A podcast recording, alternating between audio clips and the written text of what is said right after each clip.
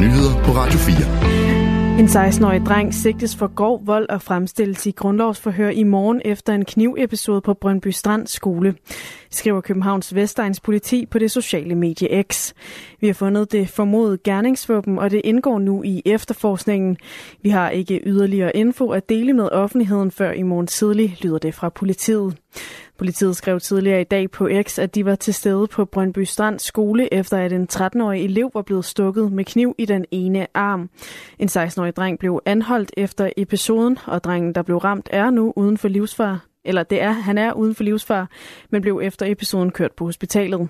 Den indledende efterforskning tyder på, at der er opstået en konflikt mellem de to drenge, skrev politiet i den forbindelse på X. Børnecancerfonden og Danske Spil har i dag slået indsamlingsrekord på den årlige fodboldtrøje fredag.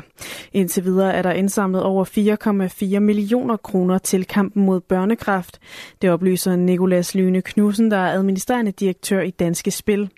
Det er vi glade for, og vi regner med, at beløbet stiger yderligere, siger han. Indsamlingen er nemlig åben 14 dage endnu, og en tredjedel af pengene plejer at komme i dagene efter fodboldtrøjefredag. Danske Spil og Børnecancerfonden opfordrer til, at man på fodboldtrøjefredag tager sin yndlingsfodboldtrøje på, og derefter afholder festlige begivenheder på arbejdspladsen eller med venner og familie.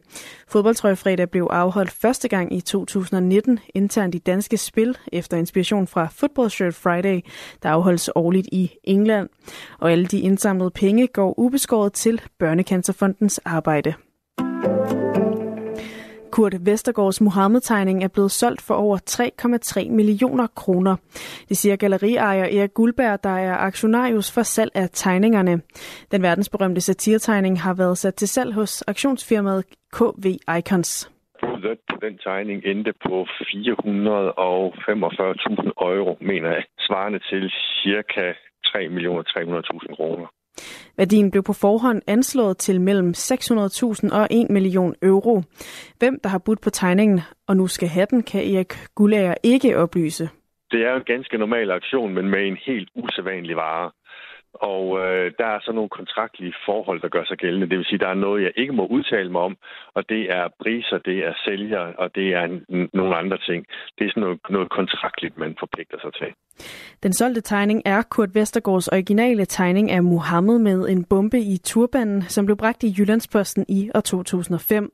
Siden tegningen blev bragt i avisen, har der både været attentatforsøg, terrorplaner og konkrete angreb i både Danmark og resten af verden, som kan forbindes med tegningen og de 11 andre Muhammed-tegninger, som blev bragt i avisen.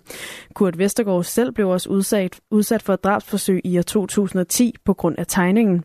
Ifølge aktionarius Erik Gullager, så har der gennem årene været stor interesse for at byde på tegningen. Bud som Erik Gullager, der har været Kurt Vestergaards kurator siden år 2008, dog har takket nej til. Det har både været personer fra udlandet, der har budt meget store penge, lyder det.